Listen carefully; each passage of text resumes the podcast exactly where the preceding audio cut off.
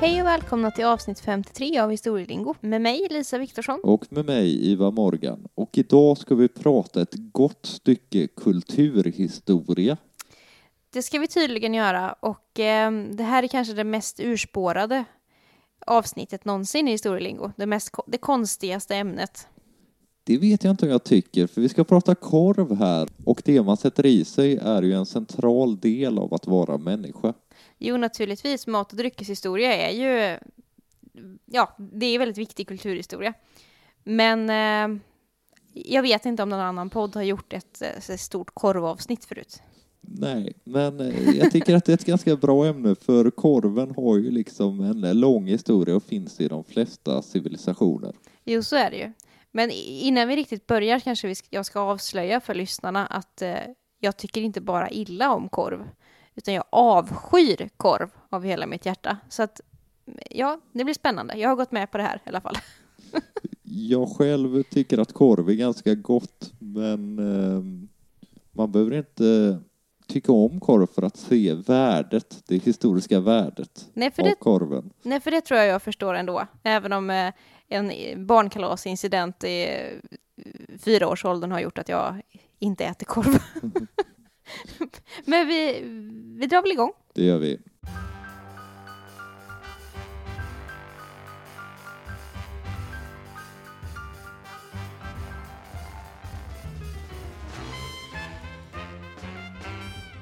Var och när skapas egentligen en maträtt? I vissa fall så kan man ju säga exakt tidpunkt och så. Det kan varit någon kock som kom på någonting, men när det gäller korven är det totalt omöjligt. Ja, det är för det är så långt tillbaka så att, eh, ja.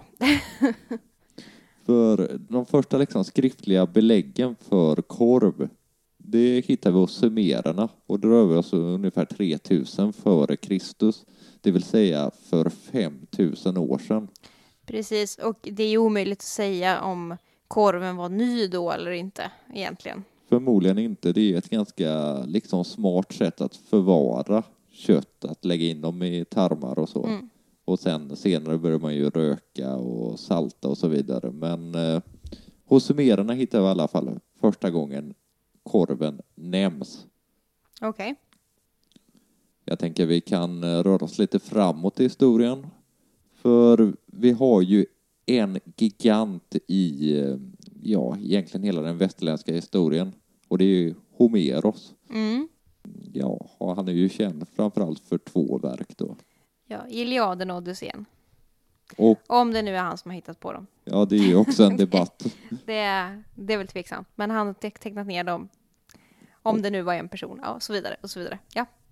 Men i Odysseen så skriver han också, om det nu är han som skriver, om en korv. Och eh, ja, ska vi dra storyn lite snabbt? Framförallt Iliaden handlar ju om eh, belägringen av eh, den antika staden Troja som man belägrar under ganska lång tid och det går ju efter mycket om och men ja, som det går. ja.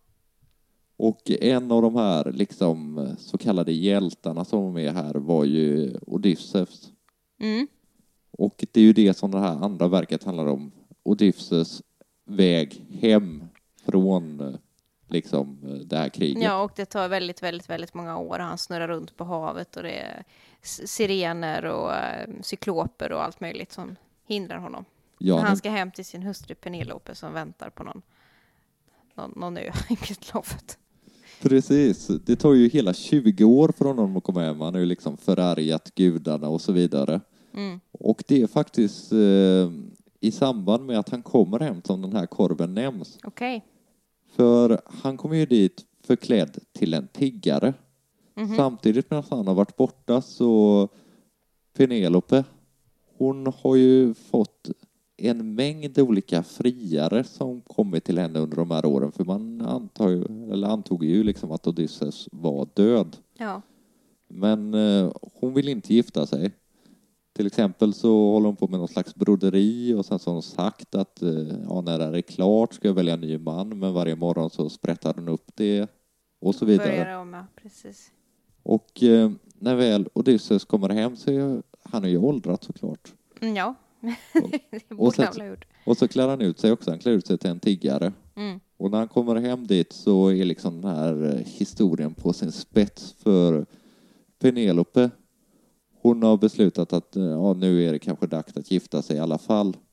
Och eh, hon har en massa friare som är där liksom hemma hos henne och väntar på att hon ska välja ut en. Och de vägrar gå innan hon väl har valt en framtida make. Och eh, i samband med det här så eh, arrangeras en del liksom så här tvekamper eller tävlingar kan man säga. Och en av de här tävlingarna så ska man tävla om en ister och blodkorv. Okej. Och eh, Odysseus har ju kommit dit iklädd en, ja, utklädd till en tiggare. Och han kommer dit och vinner den här tävlingen och sen så vinner han ja, hennes hand igen. Den sista tävlingen eller vad man ska säga.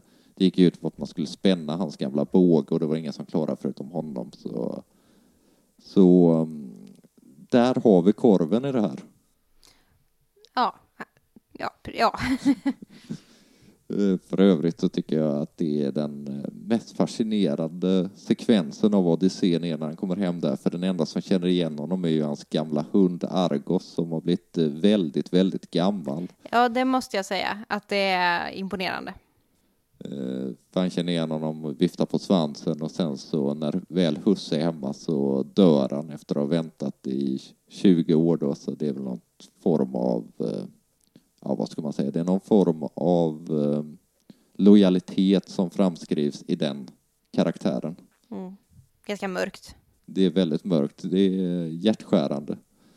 Eh, Men det var korvar vi skulle prata om. Mm. Det var ju det.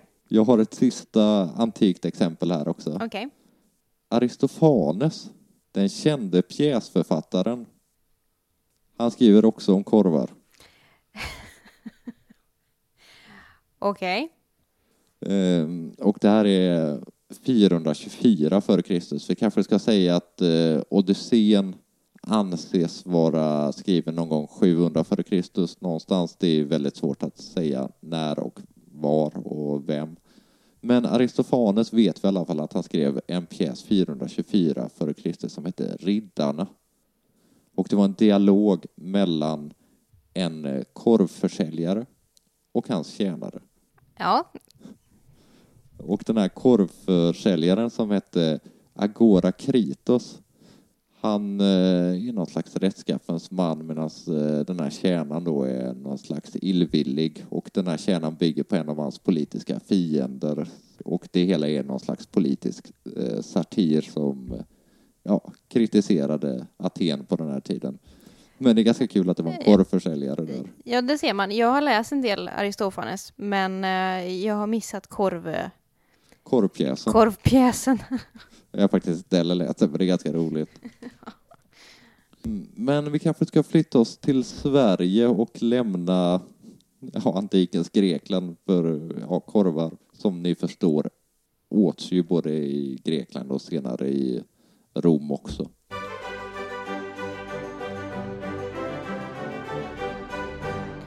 Ja, jag tänkte faktiskt att vi skulle ta ett jätteskutt i historien. Till 1500-talet. Man har ätit korv i Sverige, finns det belägg för under medeltiden också. Mm. Men det är under 1500-talet som någonting riktigt intressant händer. Mm. Och eh, då föds ju kanske den mest klassiska av alla korvar. Ja, vi ska prata falukorv, eller? Absolut. Ja, som man hör på namnet så kommer ju falukorven från Falun, mycket riktigt. Och den uppfanns ju under arbetet vid Falu koppargruva. Mm. Det var nämligen så att man hade mycket tyska gästarbetare i gruvan. Mm. Så var det ju generellt när man så byggde upp, började bygga upp liksom det moderna Sverige så att säga, så var det väldigt mycket arbetskraft ifrån, eh, Ja, Ja. andra länder. ja, framförallt då Tyskland och Nederländerna. Ja, kolla Ehm. bara på Göteborg. Ja, precis. Där kommer det ju holländare.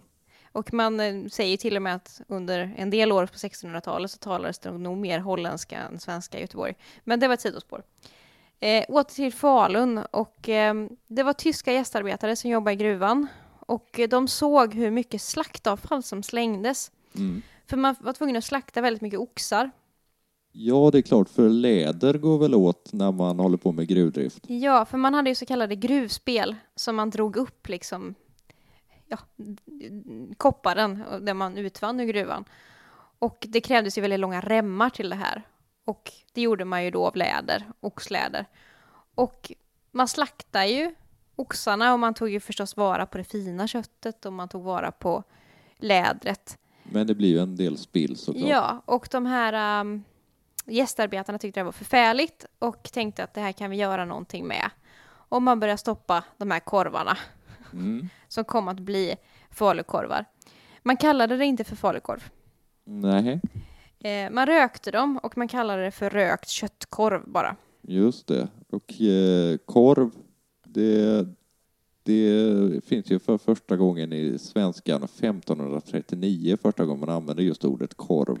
Ja, ordet korv kan vi ju bara ta en avstickare Mm. med.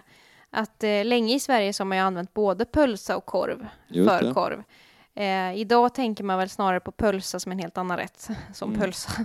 Men eh, i danska och norska så heter det fortfarande pölse till exempel. Eh, men korv, som är unikt för Sverige då, och det, det är fornnordiska. Och betyder ungefär böjd stump. och Mm, det är ju precis. det det är, så att det är Ja. ganska passande. Det är ganska logiskt. Man kan ju tänka sig korv, det är ju ganska, där med böjen, det blir ungefär som kurva. Det svenska ordet kurva har ju samma Mm. etymologiska bas som korv, det vill säga böjen. Ja, precis. I alla fall, de här korvarna blev jättepopulära bland gruvarbetare i Falun. Och man bestämmer att det här ska lanseras eh, i huvudstaden. Så att Mm. man säljer såna här ja, rökta köttkorvar till Stockholm. Och det blir en braksuccé. Mm. Alla vill äta falukorv, framförallt liksom i arbetarklass. Ja, det, det får vi väl säga att det, det är ju en liksom, eh, i och med att det är köttresterna som används så blir det mycket billigare än Ja. om man skulle köpa något liksom regelrätt eh, köttstycke. Jo, absolut. Men eh, namnet av falukorv, det kom inte de tyska gästarbetarna på. Och det etablerades liksom inte i Falun, utan det här var ju någonting som stockholmarna använde när de skulle sälja den här korven. Så att Mm. det är i Stockholm som namnet falukorv eh, kom till, så att säga. Någonting intressant med falukorven, det är att det faktiskt är skyddat. Okej. Recept alltså. Du får inte kalla vad som helst för en falukorv, utan det finns ganska grundläggande regler för vad en falukorv är för någonting. Mhm. Och det är att det måste vara minst 45% kött, alltså rent kött i. Och eh, jag sa ju förut att från början var det oxkött, idag är det ju fläsk eller nöt då. Mm, precis, ofta en blandning. då. Ja, oftast en blandning. Eh, färgen, alltså när man skär upp den, ska vara ljusrosa. Mm, det känner vi igen. Den ska vara rökt. Och de ingredienserna man får ha i falukorv, det är kött, potatismjöl, vatten, konserveringsmedel, salt och lite kryddor. Mm. Och det här är skyddat av EU. Och det är då det här är ett nutida receptet, det är från 1936. Ja, okej. Och eh, du får inte kalla någonting annat för falukorv. Och om en maträtt får den här liksom, skyddet av EU så kallas det för garanterad traditionell specialitet. Mhm. Så att, ja, det är lite spännande. Det Det säger ju någonting om eh, matens bärare som kulturhistorisk institution. Och i, den här, i det här fallet korven. Absolut. Om vi fortsätter titta på Sverige och, och hoppa fram lite till 1700-1800-talet så var ju, du var inne på förut att alltså, korv var ju fattigmansmat. Mm. Det var väldigt billig mat. Och eh, det kunde egentligen innehålla lite vad som helst. Och tyvärr så var det inte alltid bara köttrester som slängdes i de här korvarna utan det var vad som helst. Och framförallt så var det många koltillverkare som hade i gammalt kött, alltså dåligt härsket kött så att man kanske blev sjuk av det då. Och sådär. Ja, och det var man ju tvungen att göra någonting åt. Så därför kryddar man ganska kraftigt och eh, det kanske inte är något vi associerar med svensk korv idag utan mer med kanske Spanien eller ja, en del tyska sorter. Men eh, i Sverige så var korven ofta ganska välkryddad förr. Och det var ju för att dölja smaken och också lukten av liksom härsket kött. Mm. Och det här gjorde ju att korv generellt, alltså oavsett om det var falukorv eller om det var någon annan typ av korv, fick väldigt dåligt rykte. Och det kallades för fattigmansmat. Och det var, liksom, det var en nödproviant, någonting som man åt när man inte hade råd med någonting annat helt enkelt. Och eh, så det var väl snarare för koja än för slott. Mm, det får vi säga. Och det dröjer ju innan liksom, korven får ett bra rykte igen. Ehm, och i kungliga miljöer så är ju ett exempel tidigt 19, eller mitten av 1900-talet när nuvarande kung eh, Carl Gustav var en liten kronprins. Och ehm, Han fyller år. han fyllde tio år och eh, det finns fantastiska journalfilmer ifrån, eh, eh, ja, eh, från arkivet som finns faktiskt att beskåda på SVT ett arkiv där eh, lille Carl Gustav eh, eh, äter korv med bröd och säger att det är väldigt gott. Ja, det är i samband med hans eh, barnkalas när han var tio år gammal. Så att då, då han och alla andra ungar som var inbjudna springer runt och äter korv. Ja, och Det då, är var, roliga bilder. ja, och då var det helt socialt accepterat att, att äta korv i slottet. Och under 1900-talet så har det ju liksom gått ifrån att vara någonting fatt, för liksom fattigmansmat till att bli någon, en delikatess som det är idag. Mm. Innan vi går vidare så um, en sak till, en, en svensk korv till skulle jag vilja uppehålla oss med Ja, vid. Och eh, det är ju den andra stora svenska nationalkorven. Mm. Och det är ju prinskorven. Just det. Och det är ju egentligen lite av en kopia av wienerkorv. Ja, det är väl en kort wienerkorv helt enkelt. Det som kom att kallas prinskorv finns liksom nedtecknat första gången 1847. Men då kallades det inte för prinskorv, utan det kallades för siskonkorv. Siskonkorv, okej. Mm. Eh, Och det är lite sådär, man stavade inte riktigt enhetligt alltid då. Så att det är sy- syskonkorv. Ja, okej. Kan det bero på att de kommer flera stycken i ett, som ett pärlband Ja. av korvar? Precis, det är för att de sitter ihop som liksom syskonrad. Och eh, det är en kvinna som har nedtecknat det här första gången.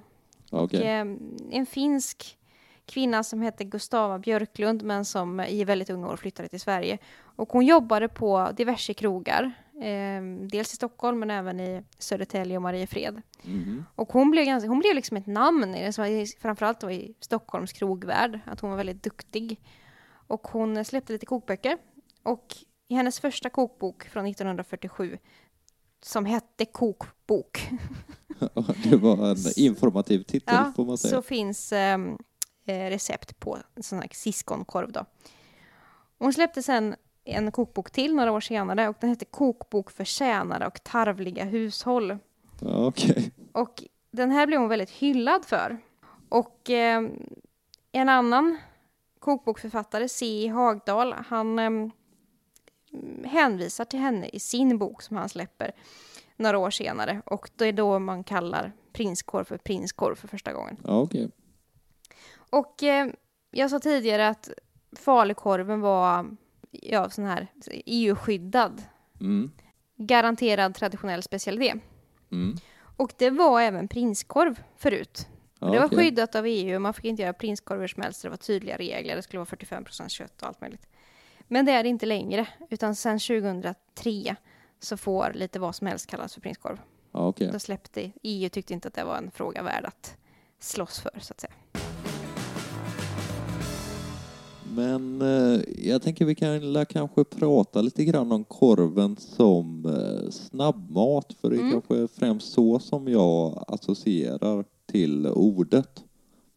Och i Sverige så kommer det första gången 1897, för då händer det grejer i Stockholm. Då har vi den så kallade allmänna konst och industriutställningen. Och eh, vet du vem som låg bakom det här? Nej, det gör jag inte. Det var Gustav V. Så pass? eller kronprins Gustav som man eh, var på den här tiden. Ja. Och eh, man gjorde det här helt enkelt för att eh, hylla Oscar den andre som hade suttit 25 år på tronen. Och då tyckte man att det här var ett ypperligt tillfälle att ha en sån här utställning och såna här eh, ja, stora utställningar blev ju på modet i slutet av eh, 1800-talet. Ja, det, det ska vi kanske i sidospår, men eh, Oscar II var ju en väldigt populär kung, alltså folkets populär kung. Så det förstår jag att det blev festligheter. Mm, och man hade haft såna här tidigare också, till exempel hade man haft en i Stockholm redan 1866 och sen så hade man haft sådana här konst och industriutställningar i Köpenhamn 1872 och 1888. Så det var helt enkelt eh, ett evenemang som drog väldigt mycket folk. Och eh, det hela invigdes den 15 maj 1897 och jag tänker att vi kan lyssna lite grann på det den, eh, liksom, det invigningstalet som Oscar II höll den här dagen. Medan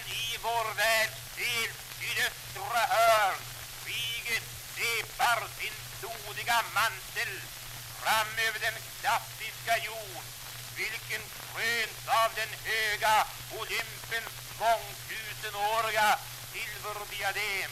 Ja, det är lite svårt att höra vad han säger faktiskt och det är inte så viktigt i det här sammanhanget heller. Ljudkvaliteten är inte den bästa. Nej, det var inte det. Men det är lite kul att eh, ha en inspelning från den dagen då korven verkligen breakade i Sverige som snabbmat.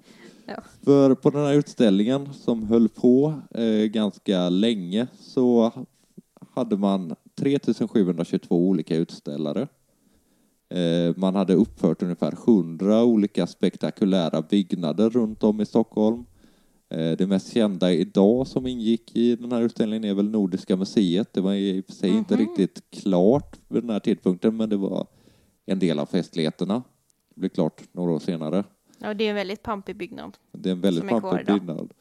Och eh, man hade en och en halv miljoner besökare till det här evenemanget.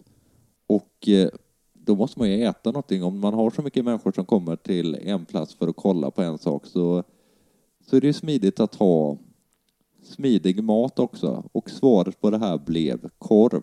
Okej. Så här har vi liksom eh, där varmkorven breakar och det var så kallade korvmadammer som gick runt och sålde korv, eller stod snarare och sålde korv från grytor som man hade på någon slags glödgande kolbädd. Och eh, det blev ganska populärt men sen så försvann liksom fenomenet lite grann efter den här utställningen. Okej. Men eh, sakta men säkert så vinner liksom korven eh, inträde i eh, Sverige. Först som frukostmat. Mm. För korv var den tredje vanligaste frukosten under 1900-talets början. Först var gröt såklart, sen sill och sen korv. Men sen sakta men säkert så blir det ju liksom en huvudrätt eller vad man ska säga, en lunchrätt, en snabbmatsrätt. Och det var ju fortfarande lite grann fattigmansmat under första halvan av 1900-talet så var ju stångkorv och sånt där kunde man arbetare köpa väldigt billigt.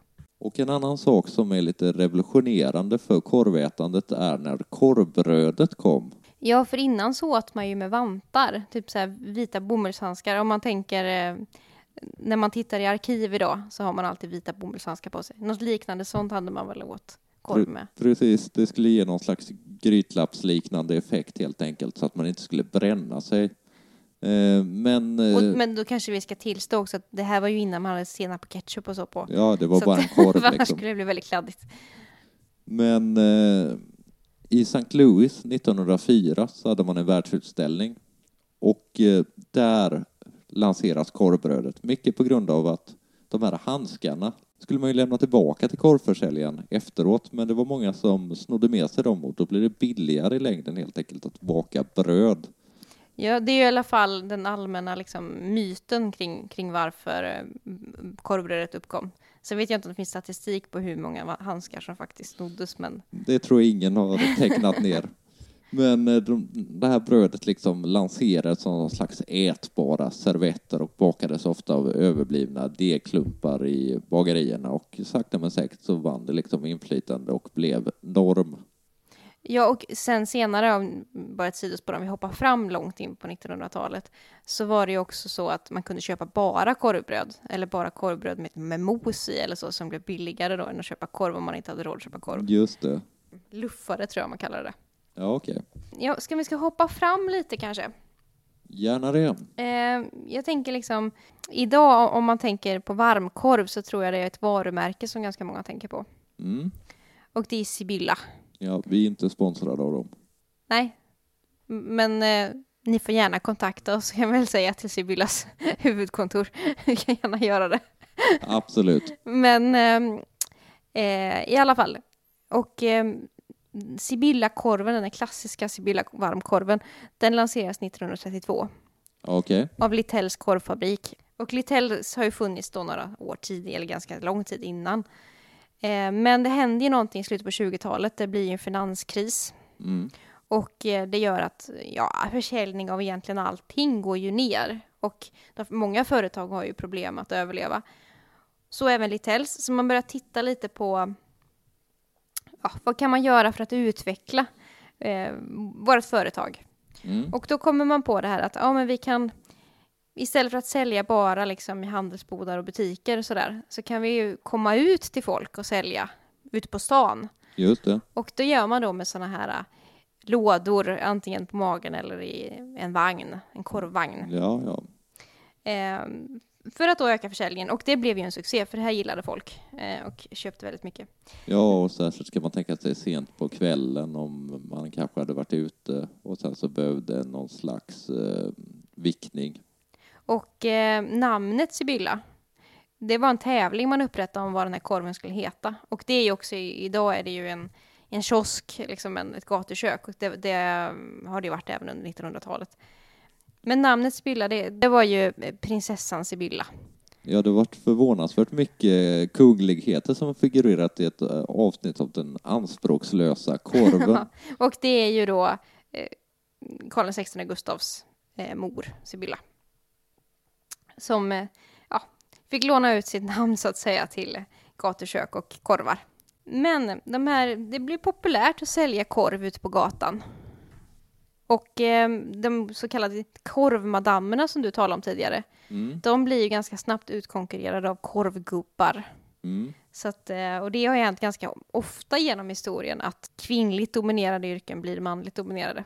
Ja, Ja. vi pratade till exempel i ett av våra första avsnitt om mursmäcker, det vill säga de som bar eh, byggmaterial till byggnadsarbetsplatser upp och ner längs olika ställningar och så. Det var ju ett totalt kvinnligt yrke från början, men sen så blir det, de utkonkurrerade av männen. Och det, det här har ju ingenting med korv att göra, men, men det är ganska intressant det där med yrken som är kvinnliga och blir manliga. Och det finns faktiskt en avhandling skriven om detta av Lena Sommerstad som heter Från mejerska till mejerist, som är väldigt Mm, intressant Just det. Om man är intresserad av kvinnohistoria. Jag rekommenderar. Mm. eh, I alla fall, tillbaka till korven. De här korvgubbarna blev många och populära och som, som man så ofta i Sverige så finns det byråkrati som ställer sig i vägen. Mm. Och i Stockholm så tyckte man från myndigheters håll att man hade jättemycket problem med korvgubbarna. Okej. Och eh, det blev stränga regler. Man fick max sälja 200 korvar om dagen. Ja, det är inte jättemånga. Sen var det olagligt. och man fick inte sälja nattetid heller. Eh, men det var ändå ganska generöst. Fram till klockan 01 fick man sälja. Ja, okej. Men inte efter det. Och eh, det största problemet man ansåg var att de här lådorna skulle vara ohygieniska. Ja, det kanske låg något i det också. Ja, det kan vara så. Men det här blir, det blir i alla fall, man, man vill förbjuda att sälja korv i låda på det här sättet. Och eh, då blir svenska folket rosenrasande. Okej. Och någon mer som blir rosenrasad, det är eh, Boogie Woogie-mannen, Ja, det, Ove Törnqvist. ja, och då, då kommer den här klassiska låten. 1959 kommer Varmkorv Boogie. Som ju är en ren protestsång egentligen, kan man säga. Mot att korvgubbarna skulle försvinna. Vi har ju en del så här eh, artister som väljer att använda sitt kreativa liksom medie för att eh, ge sig in i politiska frågor och det kan vara allt från Vietnamkriget senare och ja, Joe Hill ett bra exempel med strejk och så. Men Ove han eh, ville ge sig in i korvdebatten. Ja, den, den brann han för. Jag tror han fortfarande uppträder med just den här låten ganska ofta faktiskt. Ja, I alla fall, det här blev ju liksom en praktskandal liksom i media, det blev ju liksom en ordentlig debatt och myndigheterna ger sig. Korvgubbarna får fortsätta existera. Men de, får en, de går en kärv tid till mötes för att under 50-talet så började det ploppa upp då gatukök i Sverige. mm. Och så fasta kiosker, att istället för att korvgubben ska vandra omkring på stan så kan människor gå till korvgubben jag på att säga, eller gå till kiosken då och köpa korv. Mm. Och Och- myndigheterna gillar väl det här mer kan man tänka sig. Ja, man kan ju ändå, alltså jag kan ändå någonstans förstå det att man kanske med ett riktigt kök hade lite bättre, ja, eh, hygieniska möjligheter kan man tänka. Rinnande vatten kanske. Kylskåp. Kylskåp, ja precis. Jag tänker så här, vi kan inte ha ett avsnitt om varmkorvens historia som göteborgare utan att tala om Sveriges mest klassiska korvkiosk. Är det den i, på Mariaplan du tänker på? Ja, precis. För, för, det, för er som inte känner Göteborg så på Mariaplan och Majerna så finns det en liten gul en liten gul byggnad som säljer korv Mm. och korv och korv och korv. Och den har en skylt på taket som är särskrivet korvkiosk. Ja. Och den har stått där sedan 50-talet och den är still going strong. Det är ofta långa köer till korvkiosk. ja. Jag vet att ägarna till Korv kiosk faktiskt stämde Socialdemokraterna Ja. för några år sedan när de i en valfilm hade Ja, Stefan Löfven gick och köpte en korv i en klassisk gatukiosk och då tyckte de att eh, Socialdemokraterna helt hade snott deras design och så, att det var Ja. deras produkt som de helt enkelt eh, sålde utan att fråga. Det ska vi väl säga också att i den här valfilmen så den här kiosken som Löfven köper korv i är- ju en exakt kopia av Mariaplan-kiosken. Så att, Jag vet inte hur det gick med den där stämningen. nej, inte jag heller, men jag kan förstå faktiskt att de stämde lite grann kanske. Jag vet inte. Jag vill inte ge mig in i en korvdebatt som Ove Thörnqvist, men det finns en, ett annan snabbmat som, jag, som, som jag, jag kan acceptera mer än korv. Mm. Och det är hamburgarna. Och de dök också upp i Sverige för första gången på en utställning. Och det är den klassiska designutställningen H55 i Helsingborg, Ja, 55 då. 1955. Och eh, återigen så blev myndigheterna väldigt förargade. Ja, okej. För att det här går inte för sig. Vi kan inte äta hamburgare i Sverige. Så det blir totalförbud. Det blir olagligt att äta, tillverka, sälja hamburgare i Sverige. Ja, vad märkligt. Och nu pratar vi alltså 1955. I andra delar av världen så är hamburgare liksom redan en grej. Ja, Men, men nej, man säger strängt nej. Och eh, kioskägare är lite besvikna för att det här, de såg väl det här som en möjlighet. Att oj, hamburgaren har kommit, det här måste vi sälja. Och det finns en kioskägare i Haninge utanför Stockholm som han struntar blankt i myndigheternas förbud. Och han säljer hamburgare. ja, okej. Och det blir en tillsyn där man kommer, liksom kommunpolitiker kommer till honom och frågar liksom, du får inte sälja hamburgare, varför gör du det? Och då försvarar han sig med att det är inte hamburgare, det är platta köttbullar. Ja, det ligger något i det kanske. Och sen så bröd hade han ju redan till sina korvar, så det kan inte heller varit något problem. Nej, så att, eh, och kommunpolitikerna de tycker att ja, men det här är helt okej. Det är ingen fara. Men då kommer man från myndigheters håll, då hälsovårdsnämnden tycker inte att det här är okej. Så att de här kommunpolitikerna som då har godkänt den här kiosken, kioskägaren då Erik Engström, de här politikerna blir kallade till ett möte med hälsovårdsnämnden tillsammans med Länsstyrelsen. Och eh, Kalle Sundelius som var den här kommunpolitikern, han, ja, blev lite tillsagd så att säga där. Och han säger ifrån till de här mynd till, till myndighetspersonerna och säger att det är löjligt liksom att var, varför kan vi sälja platta köttbullar men inte hamburgare? Och då ger man sig från myndigheters håll att mm, sälj hamburgare. Och det är liksom startskottet för hamburgarens eh, utbredning i Sverige. Ja, och det, sen gick det ju jättesnabbt med, med eh, hur hamburgarna spreds sen då. Så. Men som sagt, jag kan, jag kan acceptera i alla fall vegetariska hamburgare, eh, men inte korv. En annan sån här sak, du sa ju att det var i Helsingborg 55 som hamburgaren kom. Ja. Ungefär vid samma tid så kommer ju en annan hamburgarliknande produkt att eh, dyka upp i Sverige. Mhm. Och den så kallade parisaren. Ja, ja. Det är alltså en, eh, ja, en tjock korv som man skär, steker och serverar i ett bröd.